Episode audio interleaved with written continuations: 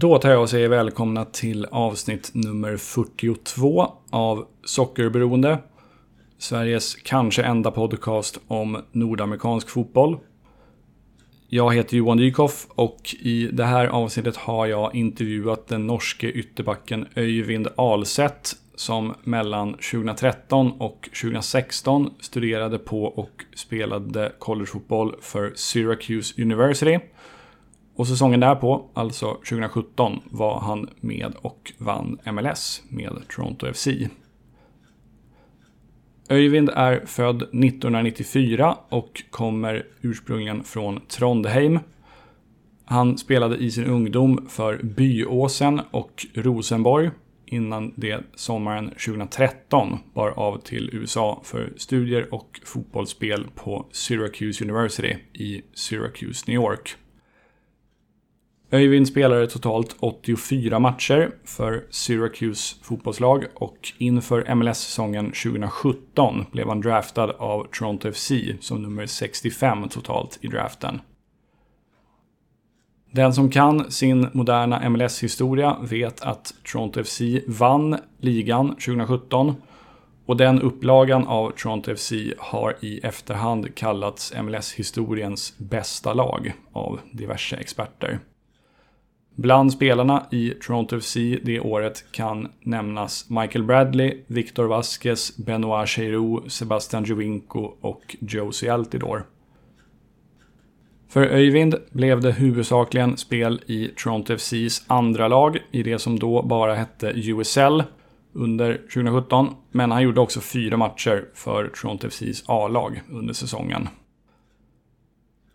Efter titelsäsongen 2017 blev det ingen förlängning i Toronto FC för Öyvind som då vände hem till Norge igen efter ungefär fyra och ett halvt år i Nordamerika.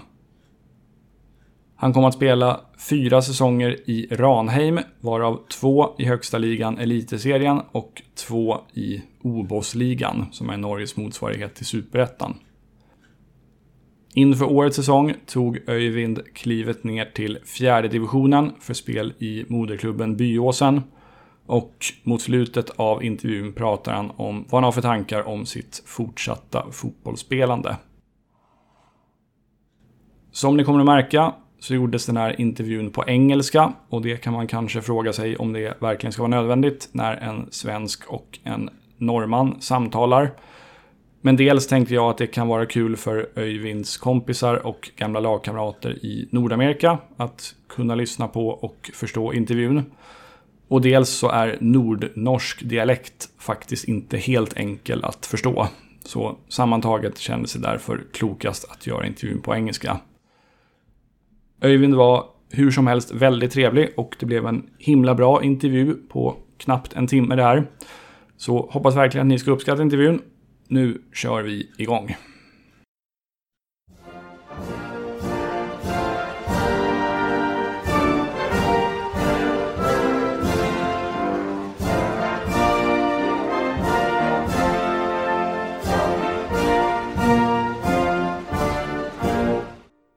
So to start off, um, can you just give us a brief rundown of your youth soccer career in Norway before your move to the United States?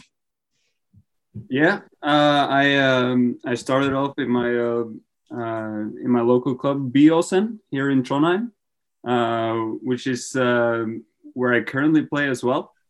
Um, so I I played there from I started soccer around the age of five, and I played there until I was 16, going into high school. Um, the local team here is uh, Rosenborg, uh, and it's a big deal for youth players. That's where that's where you want to be. The, the Rosenborg Academy is uh, is where you want to be. But back when I was 15, 16, when people started getting picked for the academy, I wasn't quite there. So I was playing uh, with my age group in Byåsen until I was 16, uh, and then we started in high school I started training a little bit with with the youth team in Rosenborg and uh, got a contract there. And I played with the Rosenborg Academy for two years, from uh, between the ages of 17 to 19.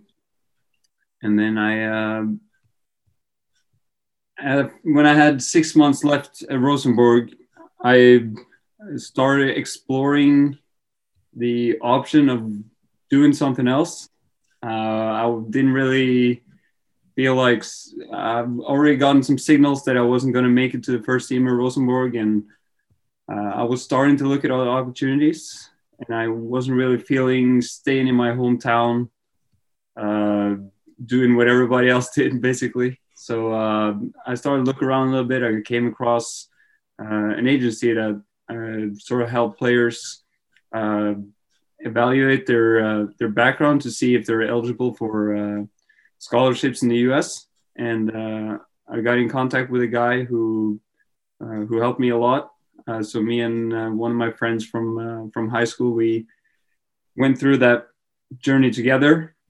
Uh, we ended up at different schools, but um, uh, I was very fortunate with where I landed. Uh, so I went to Syracuse University, and when I decided I was going to US, there wasn't really a point in continuing the journey in Rosenborg for anyone, really. So um, uh, I went back for a short stint at uh, Byåsen, my my local club, which is playing in the. Um, back then, we were playing in the third level here in Norway, which was still pretty good. Uh, so I played there for uh, half a year before I uh, moved to the US, and um, yeah, that's uh, that's basically how how I ended up there. Mm-hmm. Um, why did you eventually choose Syracuse? Like, did you have um, several options and what made Syracuse the most appealing? Uh, I did have a few options. Uh, I had a couple of uh, really good scholarship offers from uh, a few schools, uh, but Syracuse was the one that stood out mainly because at that point they had just uh, joined the ACC conference, which was highly regarded as the best conference for for soccer, and um, I figured as uh, Kim, uh, the guy who helped me from uh, CS mm. as he told me, if you have a chance to go to the ACC, you that should be a no-brainer. So I honestly, I, I just had to to trust him and uh, and go for that, and it was uh, it was a great decision. Uh, my my friend actually ended up going to a Division two school up in New Hampshire, mm-hmm. and he didn't exactly have the same experience that I did, so he he traveled back to Norway after after one year. Uh, but I ended up really enjoying Syracuse, so I uh, I stayed there and uh, finished my bachelor's degree there. Nice. Uh, did you play with uh, Jonathan Hagman, by the way, the Swedish midfielder? Yeah, I figured because he I actually um, I interviewed him like it must have been two years ago, not for this this podcast, just like a general interview, so to speak. Um, I, I just came came to think of it now because he I remember him telling him that he, I remember that he he played at Syracuse. So you were teammates then. Yeah, I played with the I played with Jonathan and I played with a few other Swedes as well that were there. Uh, I actually lived with the with a guy called uh, Oscar Severin um, who played there uh, as well. He's from Stockholm. We mm-hmm. lived together for two years there, um, and it was good at Syracuse. They were they were really good at identifying good international talent as well. And I think at around that time in in college soccer, there weren't that many people going abroad, and I think also for the coaches there, it's obviously harder to evaluate because um, I never visited Syracuse before I went. The coach from Syracuse came to Norway to watch me play, but it's obviously hard to evaluate based off two practices in a, in a game. So um, uh, at Syracuse, they were really good at bringing in international people that, that were good and uh, mix that with North American talent. I say North American because uh, Syracuse is very close to the Canadian border. So we had uh, quite a few Canadians there as well. So um, the mix between international players and and uh, local local American and Canadian players was very good. Yeah. Um, how do you recall, let's say, the first month over there? Was it like an was it easy or difficult to settle in at Syracuse? Uh, I'd say both. Um, as I mentioned, I, I didn't really know what I uh, what I signed up for when I when I went there. Obviously, I I um, traveled by myself and didn't know anyone when I when I got there. And um, first few days, I actually stayed at um, one of my uh, teammates' house. His family lived right outside Syracuse, uh, so I stayed there for a few days and uh, I've stayed in great touch with his family and uh, for throughout the years. And uh, we we joke about when I when I first got there, I was I was so shy. I, I wouldn't leave my the guest room unless I had to, basically. And uh, yeah, I was um, I was a little bit nervous to be honest. Um, but then again, the um, was so good about soccer is that uh, once you get into a locker room, it takes takes a few days, and then you're and you're just part of the group. And um, obviously, I wasn't the only guy coming in that year. Uh, so there, in college soccer, there's there's ten new players every year, and um, getting them to be a part of the team is a is a big deal, of course. So that's a that's a huge part of um, having a college soccer team. So um, and the coaches did a good job um, of uh, just getting everything sorted out with classes, with housing department, um, and uh, kind of just hung on to my teammates and uh, had the more experienced guys uh, guide me through. Yeah, the, um, basically the first few weeks of class, just uh, getting to getting to know uh, where to go, where to where to eat, where to do everything basically. So um, it was good that we had. I remember we had two weeks of preseason before classes started. That um, well, was standard every year in the summer, so we got to campus two weeks early, which was very good because um, at that point it was just it was just training and it was being with your teammates all day long, which was um, which was great for me because obviously I came over there and didn't know anyone. So uh, getting to know them right away was very good. And then um, uh, it took a few, I'd say a few months to getting used to only speak in English. Um, that was probably the hardest part in the beginning. Uh, and I don't think it made it any easier. I was actually, I had a Norwegian roommate. So we, oh. uh, so we we didn't know each other from before, but we we ended up living together that that first year, uh, and it was um, I think it was good for both of us, even though it didn't really help because we we just communicated in Norwegian whenever we were uh, whenever we were at home. So it took a few months, but um, but no, it was good. And your first year at Syracuse was in 2013, right? Yeah, you must have arrived there in the summer of 2013 then. Yeah, that was right before my uh, 19th birthday. Yeah. Yeah. Um, so you mentioned uh, your a couple of your teammates before, but uh, when I look, looked through the rosters of Syracuse in your seasons there, there are obviously a few names that stand out, and the most prominent one being Miles Robinson, of course, who is nowadays uh, like a starter for the U.S. national team. Um, I would suppose you rate him as perhaps the best player you play with in college. Um, maybe mm-hmm. uh, I'd say uh, I'd say when he was uh, when he was in college, he was um, a little bit of a diamond that needed some polishing. Mm-hmm. he obviously had the uh, physical attributes, uh, which were off the charts. Never seen anything. Ran faster than everyone, jumped higher. It was, yeah, it was a different level. Um, in terms of pure talent, I've definitely played with better or yeah more talented players. Um, just there, even at Syracuse, mm-hmm. uh, Miles Miles has come a long, long way, and uh, to see him today, I mean, uh, when he got drafted to Atlanta, it was it was very exciting, and then he just he just kept improving and got better and better. And now it's obviously a regular with the um, the U.S. national team, which is incredible. It's uh, so yeah, I, I uh, obviously follow along whenever uh, whenever I can, and uh, yeah, it's been it's been a few to be honest. Uh, mm. Syracuse have had big careers after. Uh, I mentioned the teammate I stayed with uh, in Syracuse earlier. It was um, the goalkeeper Alex Bono, who uh, is still with Toronto. Got drafted there in uh, 2016, I think. Could be, uh, yeah.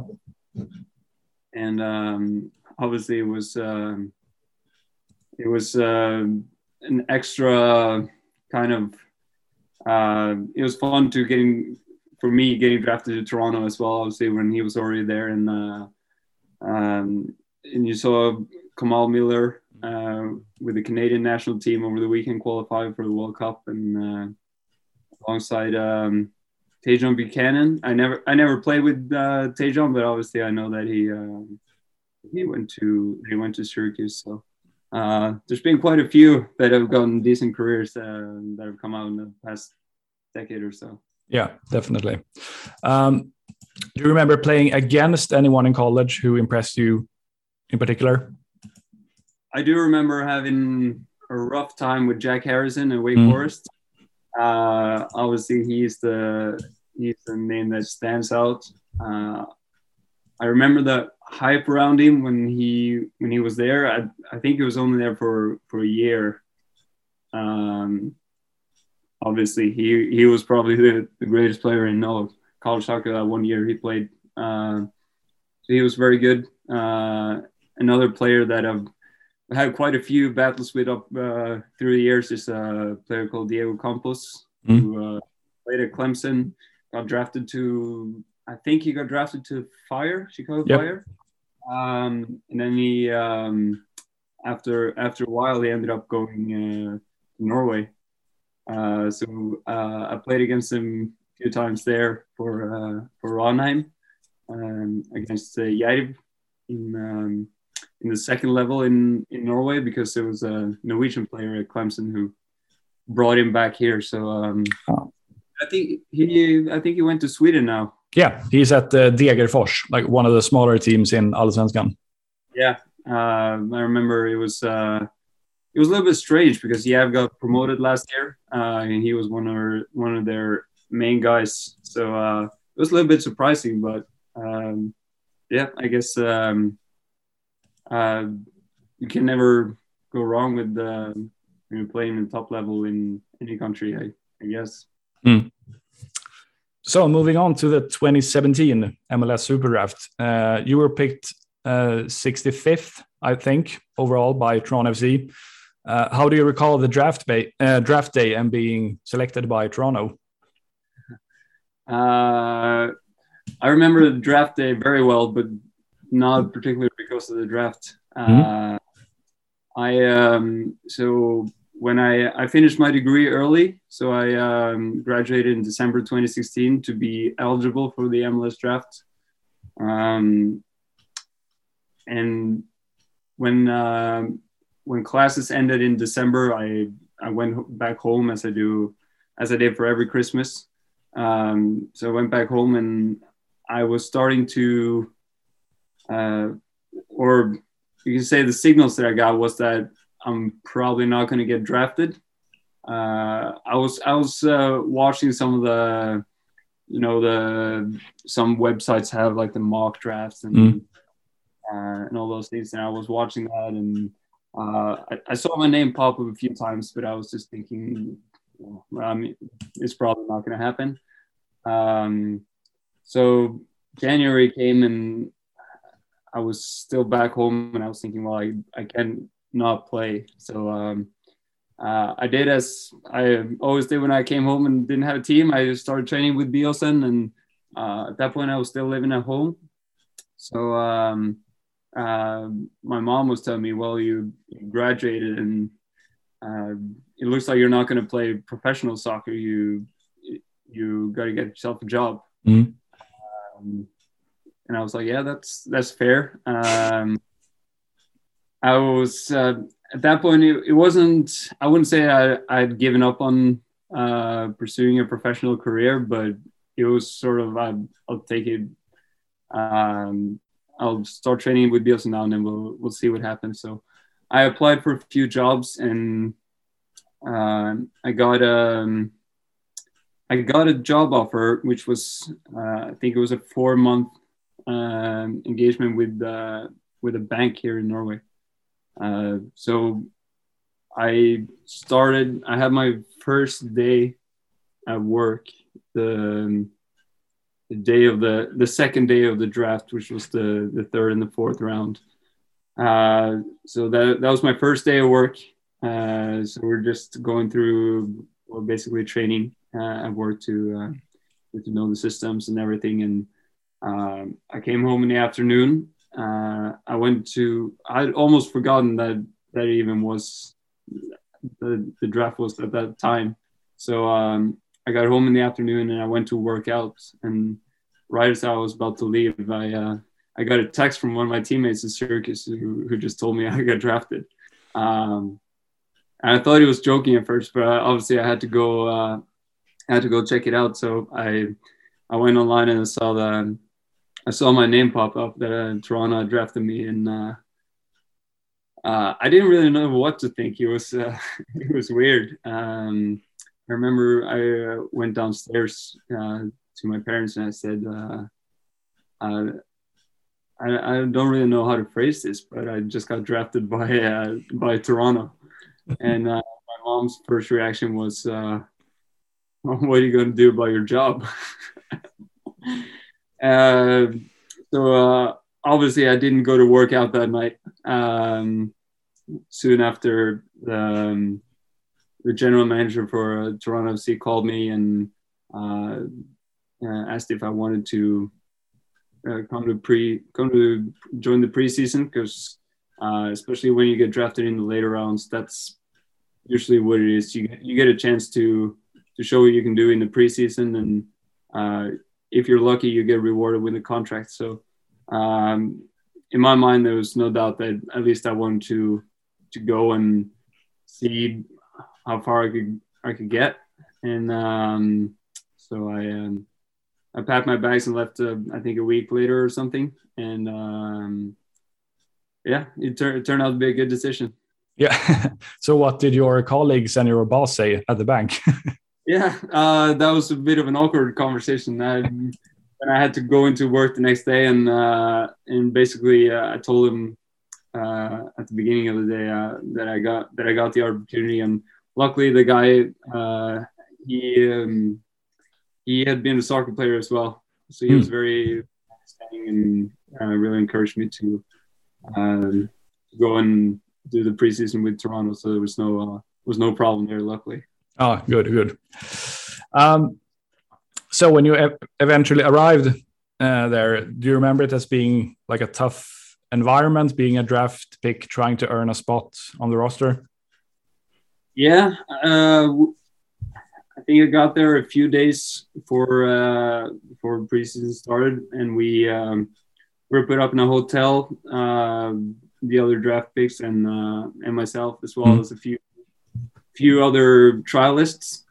Um, so I think there were maybe six or seven of us um, put up in a in a hotel and making there were um, we were just giving a ride to um, to training every day and uh, um, it was yeah I think we all were a little bit nervous to be honest uh, didn't really know what what was in store um, we um, uh, we got to training and uh, remember I think the first few days the you say the biggest stars weren't weren't there yet, um, and um, I was I was lucky enough that um, I um, uh, Alex Bono that I mentioned earlier was already there, uh, as well as another teammate from Syracuse, uh, Sergio Camargo, got drafted or got signed as a homegrown player mm. uh, that same year. So it was very good for me to have those two guys there just to uh, sort of getting into the group. Uh, as I mentioned earlier, uh, the the good thing about a, a, locker room is that you get you make friends uh, pretty quickly. So um, uh, I remember I was a little bit nervous when uh, when training started. Um, I was sort of thinking um, I probably I shouldn't really be here. Uh, I remember those kind of thoughts starting to uh, to sneak in, but as I got more comfortable, it was um, it was good, and I think the older older players that were there as well were um, were very good at taking care of uh, taking care of us younger guys, the draft picks, the guys that, came in as trialists who. Um, yeah, I mean, all we really was hoping for was to get a shot at, you know, playing in a few friendlies and just uh, show we can do. And um, I didn't know it at the time, but uh, the guy who had used to play uh, right back at Toronto, who had just gotten traded to to I think I think it might have been Atlanta's first year. He might have been signed in the expansion draft. I I'm not 100 percent sure, but um, yeah, he so he had left the year before, so it was only one right back left in the in the squad. So I pretty much I was thinking to myself throughout the uh, preseason that I actually have a shot here uh, if I if I do well, and um, luckily that that thought triumphed the one which said that I probably shouldn't be there. So it got better. Awesome. And you're absolutely you're absolutely right. Mark Bloom is the name of the and he was traded to Atlanta going into their first season in MLS. Um, so, and as you mentioned, you were uh, you made the roster uh, in late March. It was announced that you had been signed by TFC, uh, and we should mention that this was a Toronto FC that by uh, some analysts and writers has has been called like the best team in the history of MLS. So it, was a pretty decent team that you made.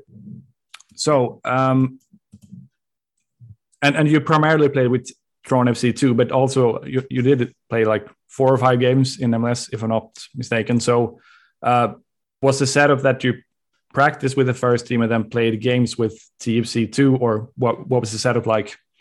Yeah, it was a little bit uh, mixed throughout the season. Uh, I started out with uh, with the first team and trained there more or less every day, um, at least before the the USL season started. Mm. When USL season started, it would typically be a train with the first team a few days a week, and then leading up to a TFC two game, I'd, I'd train with the second team. Um, and uh, it was like that for a while I I can't remember uh, exactly the timeline here, but uh, what I do remember is um, another wingback, Justin Morrow, who primarily played on the left, but he he could play on both sides. Uh, he was obviously ahead of me in the in the pecking order. Uh, at right wingback, we played the the three five two system, so it was the, mainly the right wingback position I was competing for. Mm. Uh, I remember he went to, uh, I think it was the Gold Cup with the U.S. national team. Um, he he was having a he was having a great season, and um, at that point the only right back left was uh, Steven Beitashour, and uh, he I'm not sure. I'm, i might be mixing this up because I remember he he got a pretty severe injury. I'm not I'm not really sure when that happened. Mm. I just remember that it happened. He got a I think it was a punctured lung.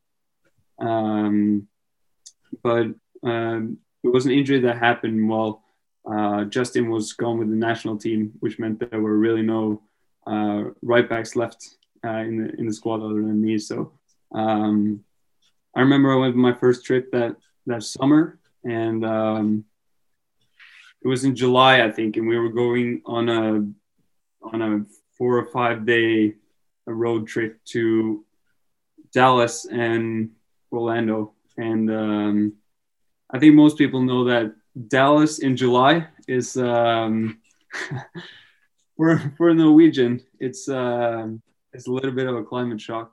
Um, I remember we were we were down there training, and um, uh, well, I said I was the only real right back in the squad, but I still thought that um, the coach wouldn't trust me enough to put me in. Um, but he came the day before the game. He uh, he came over and said that I was starting tomorrow, and um, I was surprised, but uh, pleasantly surprised, obviously. Mm. Um, and then I um, we we got to game day, and it was it was so freaking hot. I uh, I was struggling, um, but well, I don't, I don't really remember a lot from the game. Um, I remember Dallas was a was a decent team. I think I think we ended up losing the game three one. I think I got subbed off with twenty minutes left, maybe half an hour. Um, up losing three one, so obviously it wasn't the greatest debut. But a few days later, we traveled to Orlando and I started there as well, and uh, we ended up winning that game three one. And I felt that I I played a really good game. So um, from there it was um, it was still uh, Justin was still gone with the national team, so I ended up starting the next two games as well, which were both against New York City. Um, first one in Yankee Stadium, and then I finally got a chance to play at home in uh, in BMO, and I remember at that point I was starting to get comfortable with the starting role. So uh, I was really pumped to finally get a chance to play at BMO, and I remember um, I had a lot of friends and, and family uh, back home saying that they were going to watch the game because it was um, uh, it was a game that was being broadcasted here in Norway in a, at a decent hour, so people could actually watch it. And back then, there were some of the games were actually being broadcasted in Norway as well. I don't think I don't think anyone is showing MLS games anymore, uh, unfortunately. But at that point, they were streaming them, and um, I was starting to get a little bit of interest from um, from Norway. Some there was some media that was uh, that got in touch, and I was really excited because I knew that people would be would get to watch the game from back home, and um, uh, played about I think it was maybe 15 20 minutes. Um, remember, I got in the end, I got a through ball. I meant to put a cross in. Uh, the cross got blocked, and I went for the rebound and I just kicked right up into a guy's studs, um, and it hurt. And I figured, well, I'll I'll shake it off. Um, and then moments later, we had a we had a corner kick, and I, I looked down, and my my shoe was just blood coming out of the shoe. Um, but I was just thinking, well, um, I just gotta just gotta run to the sideline here, and get it taped, and uh, and get back out here. So um, I wasn't really thinking much other than that. So I just ran over to the sideline and just, well, you just got to strap this up and then put me back in. Um, so I, I ran over and they took my sock off and it was just a big hole at the top of my foot. Um, and I got a little bit of, uh, I got a little bit heat for uh, just running off before they had a substitute ready, which was obviously I, I wasn't thinking that far, but I only thought in my head was just get this get this over with and get me back out there. So um, you know, straight into the locker room and, and get that stitched up. And um, unfortunately, that was the that was the last game I played for the for the first team. I did I, I was on the bench for for a few games uh, here and there the later part of the season, but uh, that injury put me out of play for uh, a few months, and after that, it was it was really no coming back because both uh, both Justin and uh, Steven Beitashour was uh, they were both back and they were both playing well, so it was obviously no reason for um, for any of them to not play. So um, it's uh, yeah, it's it's a bittersweet chapter when I when I look back at it because obviously the the few games that I play that I played was a lot of fun. Um, but it was the most unfortunate timing when I had finally broken into the first team and then got injured. And um, after that, the the team was so good there was no getting back into back into the team really. Right. Yeah, that's understandable. Um, I, I, suppose you must have gone up against Sebastian Giovinco a number of times in um, in training. Uh, how ridiculously good was he back then? Uh, yeah, that was um, he was he was an extraordinary player. Uh, he really was. He um, it was um, when he when he was. I guess what you could say when uh, when his switch was on, he he was unstoppable. Mm. Uh, and I, am I'm, I'm uh, glad it wasn't just me who, who, felt that way. But yeah, he was um, he was a very good player. Uh, obviously, he had some um, he had some ball skills that I've probably never seen before. And uh, but the the thing with that with that Toronto team is obviously you th- you think about the, the big name players that were there um, with the with uh, Sebastian and with uh, Jozy Altidore and with Michael Bradley.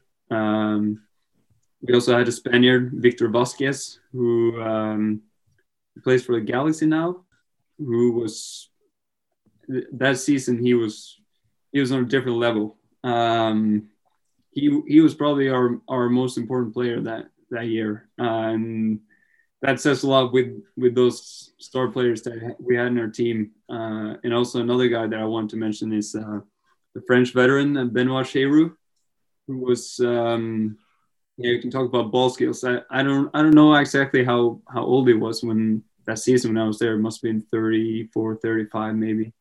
Uh, but he could take care of the ball as as well as anyone I've, mm. I've ever. Seen. I remember the first friendly I played in um, during preseason, he he was playing um, as a central midfielder, uh, and he came over to me before the game, and he, he just said, uh, uh, "Even if you're if you're ever in doubt, just just pass me the ball. I don't lose it." And, and I was just like laughing a little bit. And I'm like, "Yeah, yeah, sure," uh, but he wasn't kidding. I mean, um, uh, what a player, and and what a great guy as well. One of the guys who really uh, really helped out. And um, I remember the, the period when I was when I was injured, he wasn't in the squad as well. He he would invite the the younger players over to his house to to watch the game there and serve dinner. And um, yeah, what a great guy. Mm. So yeah, there were a lot of great players in that team. Yeah. Drew Moor as well, right? The center back. He seems to be a, such a terrific guy. I, when, whenever I hear interviews with him. Yeah, absolutely um, he, alongside Victor Vázquez, who obviously he got he got some attention. Uh, I'd say Drew Moor was probably the, the unsung hero of that of that team. He was um, he was the heart and, heart and soul of that defense. And um, as you mentioned, uh, greatest guy in the world. Um, always he was always smiling, always um, always talking to to everyone. It didn't matter whether you were Øyvind Alseth or uh, Michael Bradley, he was he was uh, taking care of everyone, and he was um, he was a great leader to have to have in that uh, locker room alongside Michael, obviously, who was um, who was the, the captain and the and the main guy. Yeah. Um, even though you only played like four or five games with the first team, do you still feel like proud of the team's accomplishment in 2017 and that you contributed somewhat to winning MLS Cup?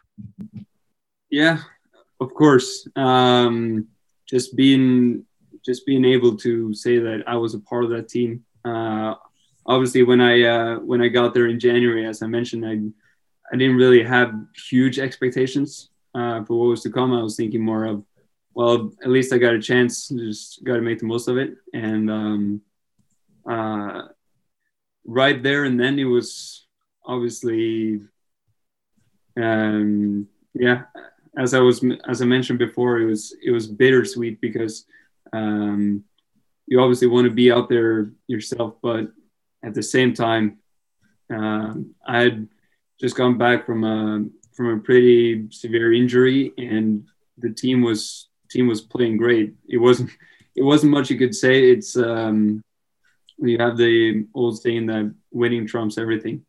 So when when the team is doing so well, you you can't really complain, even though you obviously want to be out there and uh, and play yourself. So looking back at it, I'm extremely proud of uh, of the team and having been a part of that team because it was uh, it was a great year.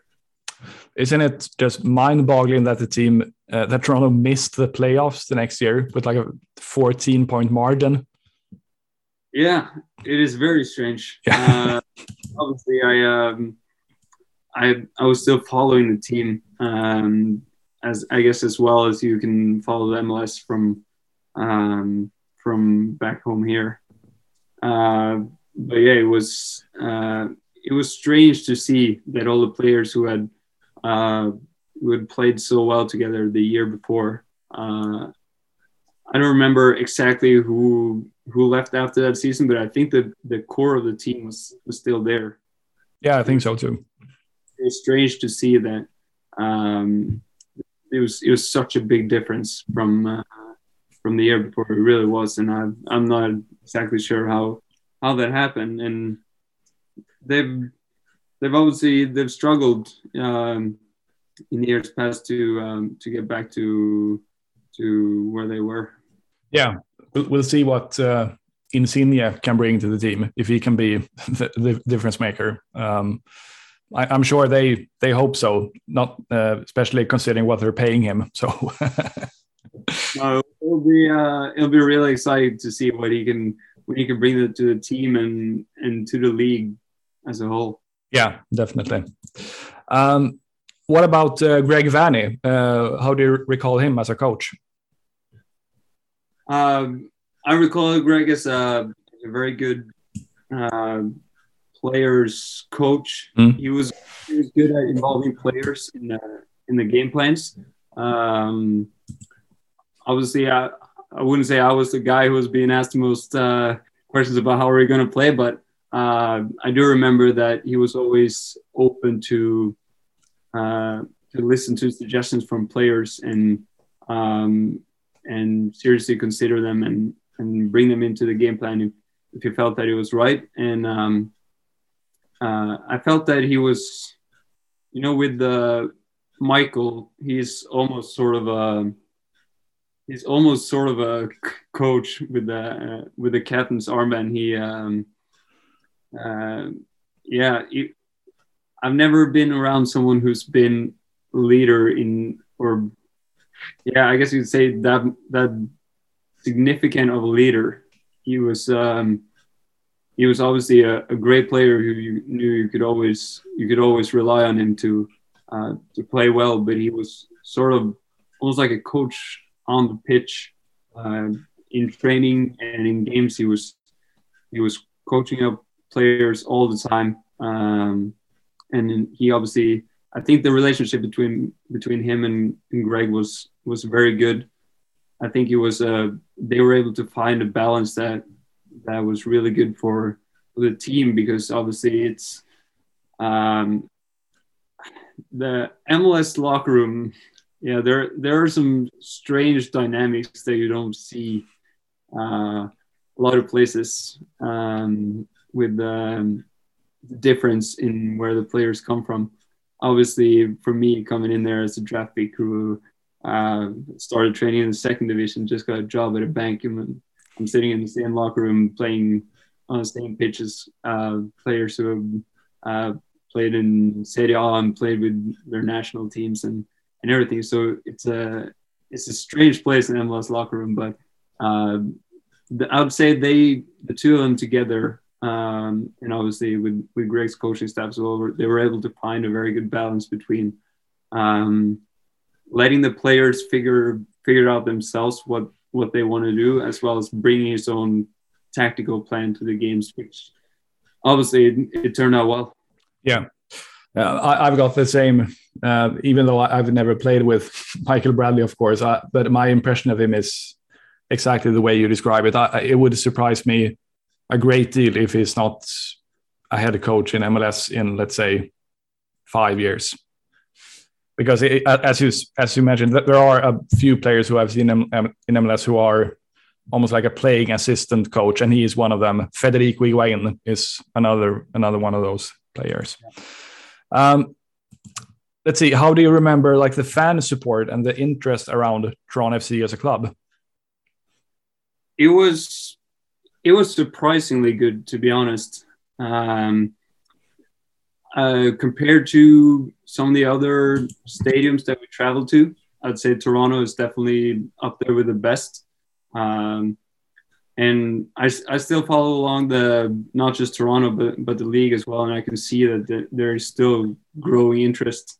Um, the fan bases are getting bigger, the fans are getting louder in the stadiums. Um, can see, especially with the the expansion teams, they've they've done a good job of putting the expansion teams where there's actually been real interest in getting a soccer team. Mm. Um, uh, with Atlanta, with Atlanta, with another team in LA and with Miami. Um, so uh, and I remember with Orlando as well. So um, but in, in Toronto it was it was very good. I was living uh, in a place called Liberty Village, which was very close to BMO Field, um, and I lived right around the place where the supporters would meet before the game, and then oh. walk over to the stadium. And um, so yeah, I was I was often getting uh, getting lost in the crowd there on my way on my, on my way to games, and it was um, it was a lot of fun to see. Uh, obviously, um,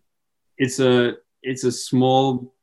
Um, I guess you could say it's a small group considering the size of the city. Uh, I mean, Toronto is a huge city, um, so filling you could say filling a stadium of thirty thousand seats isn't isn't crazy, but I, I really felt that, um, especially with the um, uh, with the fan group standing behind the, the goal closest to closest to the uh, exhibition center. I don't really, uh, I can't really remember what that what that stand is called, but mm. the ultras there they were they were loud every game. Um, obviously, they were um, making on the way back from uh, or way out of the stadium who was always singing and lights in the streets and uh, and everything. It, it, was a lot of fun to, to be a part of. Um, did you get a feeling of how the popularity of soccer compares to that of ice hockey in Toronto? Um, a little bit, yeah. Um, as a Norwegian, I'm not a huge hockey fan myself. It's not, it's not a huge hockey nation. Um, uh, but I obviously, especially after living with with a couple of Swedes down in uh, in Syracuse, I knew um, I'd started to get a little bit of interest in hockey, and I, I knew that the that the Maple Leafs were a were a big deal.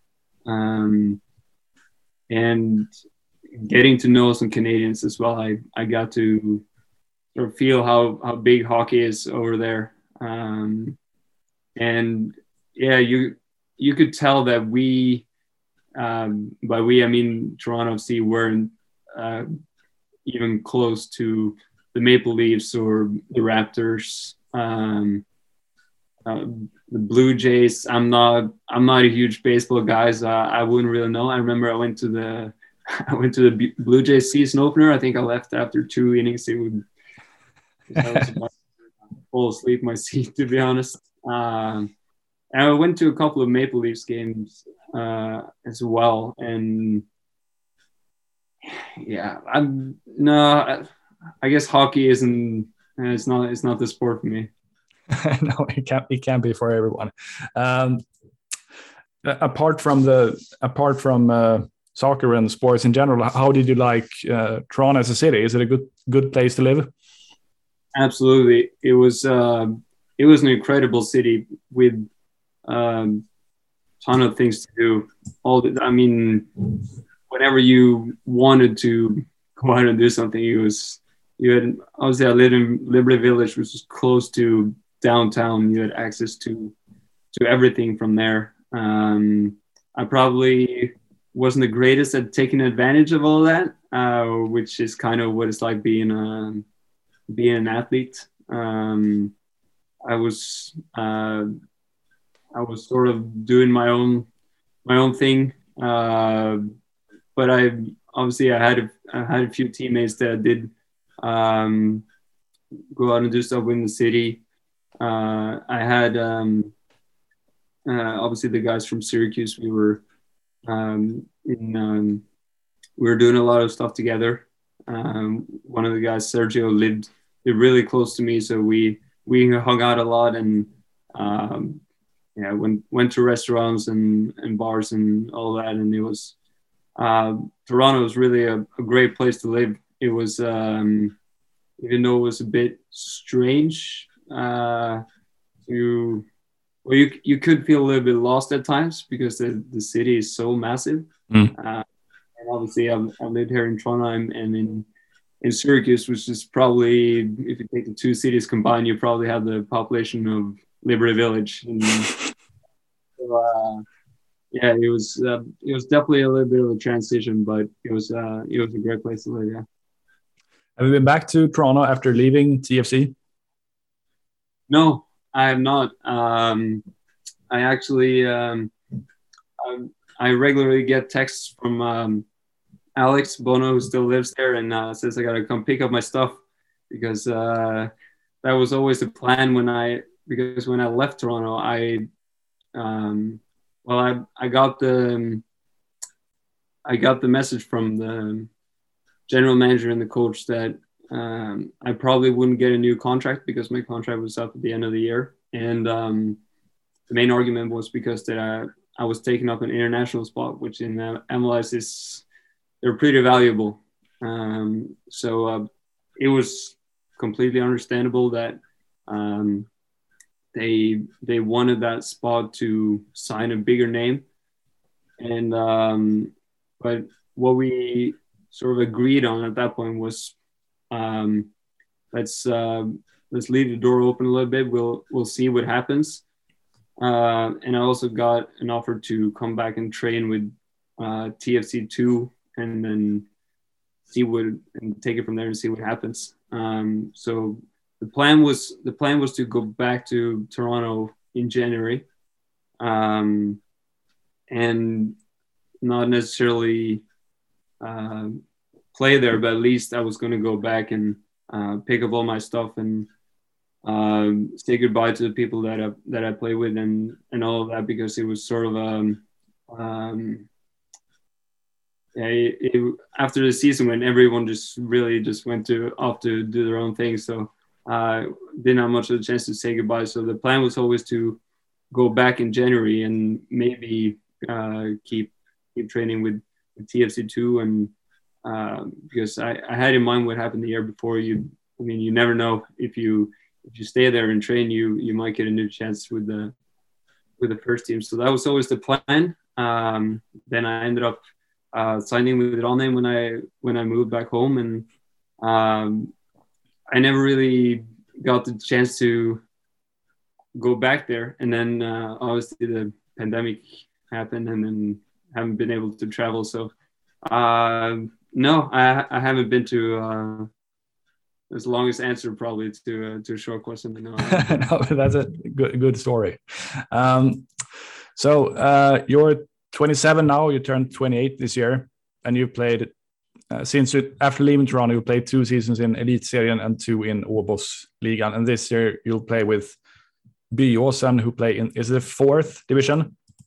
Yeah, the fourth tier. Yeah, it's yeah. Uh, it's do you aspire to play at a higher level again in the future? Um, I when my contract was up with with Ranheim, I um, I was um, sort of debating what what to do if I if I wanted to to pursue it further or uh, if I wanted to sort of settle down and um, spend some more time doing other things. Mm. Uh, in uh, in I was I wasn't playing, or you could say, I don't know if you if you know the know the story of Ranheim, but uh, it is uh, a club where uh, the players are expected to do more than just play soccer. So um, from the time I signed there in 2018, when we were in uh, uh, Eliteserien, I was I was uh, barely making enough money there to to uh, pay my rent. Mm-hmm. So uh, I, I, had to get a job as well. Uh, so luckily, I had a good education from from Syracuse and uh, was able to um, to get a decent job uh, on the side as well. And um, I uh, switched jobs about two years ago now. started working um, in a bank and um, it, when I uh, when I first started in that job, it was I was working fifty percent in the bank and the other half as a as a football player. And the plan was always to when the, when the time is right, you'll um, uh, start working there full time. And now after I've been injured for half a year, or I had been injured for half a year when, when my contract expired, and at that point I was, to be honest, I was a little bit fed up, and I was starting to think, well, maybe uh, uh, I should take a step down um, and see what happens and take it from there. And I'm I'm not ruling out that I'll I'll play at a higher level again, but uh, I I'd say that as of now, that is not my motivation. I see. If the opportunity would arise, would you be interested in playing in North America again? Uh, yeah, I w- I wouldn't rule it out. Um, I uh, I have a girlfriend who I live with here as well. She's also um, she's also a soccer player. Mm. and, um, and she last year she was playing with the uh, Rosenborg's women's team, and uh, both of our contracts were expiring. I remember we we were actually sitting down and and thinking about it and just uh, looking at looking at options to um, uh, to go to the US and to see okay are are there any places where we could actually where we could both play. Um, so I remember we did, we did a few uh, we did a little bit of digging and uh, we actually found out that um, I have I know two uh, players who played last year for the San Diego Loyal in mm-hmm. the US, and uh, and at San Diego we're getting their own NWSL team. Uh, I think I think it's this year, it's next year. Uh, so I remember we were just playing around with the with the thought of it, but um, as of right now, probably not very realistic, and I'm I can imagine it's it's hard to, uh, I guess, get a get a USL or well, I'm I'm assuming MLS clubs are, are, wouldn't be interested at all. But even getting it to getting a contract offer from a from a USL club would be hard playing in the in the fourth division here. So um, I, I wouldn't rule it out, but it's uh, I guess you could say it's extremely unlikely. Yeah.